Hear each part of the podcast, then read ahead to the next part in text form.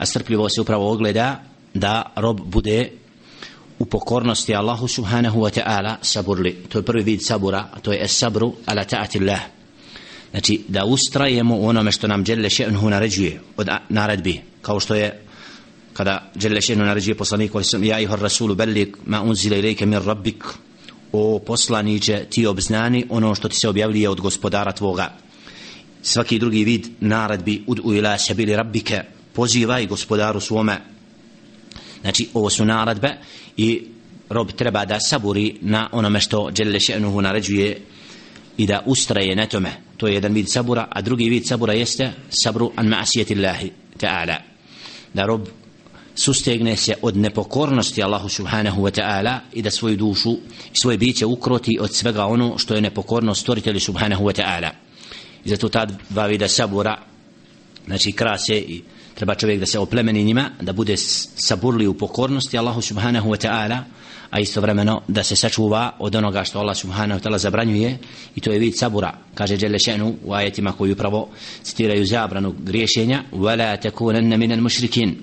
i nemoj biti od onih koji su mušrici suratul, suratul an'am la in ašrakta la jahbatanna amaluk suratul zumar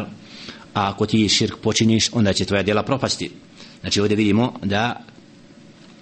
rob treba da bude istinski predan stvoritelju subhanahu wa ta'ala izvršavajući njegove naredbe i da se čuva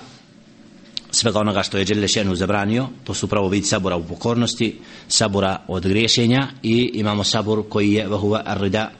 bi akdari Allahi ta'ala. Znači da saborimo na onome što Đelle Še'nuhu nam je propisao da nas mora zadesiti istići znači na tim odredbama od tuge, od žalosti i slično od smrti, oduzimanja najbli, najbližih nestanka i metka i slično znači da u svom tome rob koji vjeruje Allaha subhanahu wa ta'ala mora dokazati svoj sabor i ne smije znači prkositi Allahovom određenju nego ustrajati i biti svjestan da je to upravo hikmetullah Allahova mudrost koja prati roba na ovome svijetu a Allah subhanahu wa ta'ala iskušava čovjeka i u dobru i u zlu. Neblukum bi šerri vol hajri fitnete fitneten wa ilajna turđaun mi ćemo vas iskušavati i u dobru i u ružnome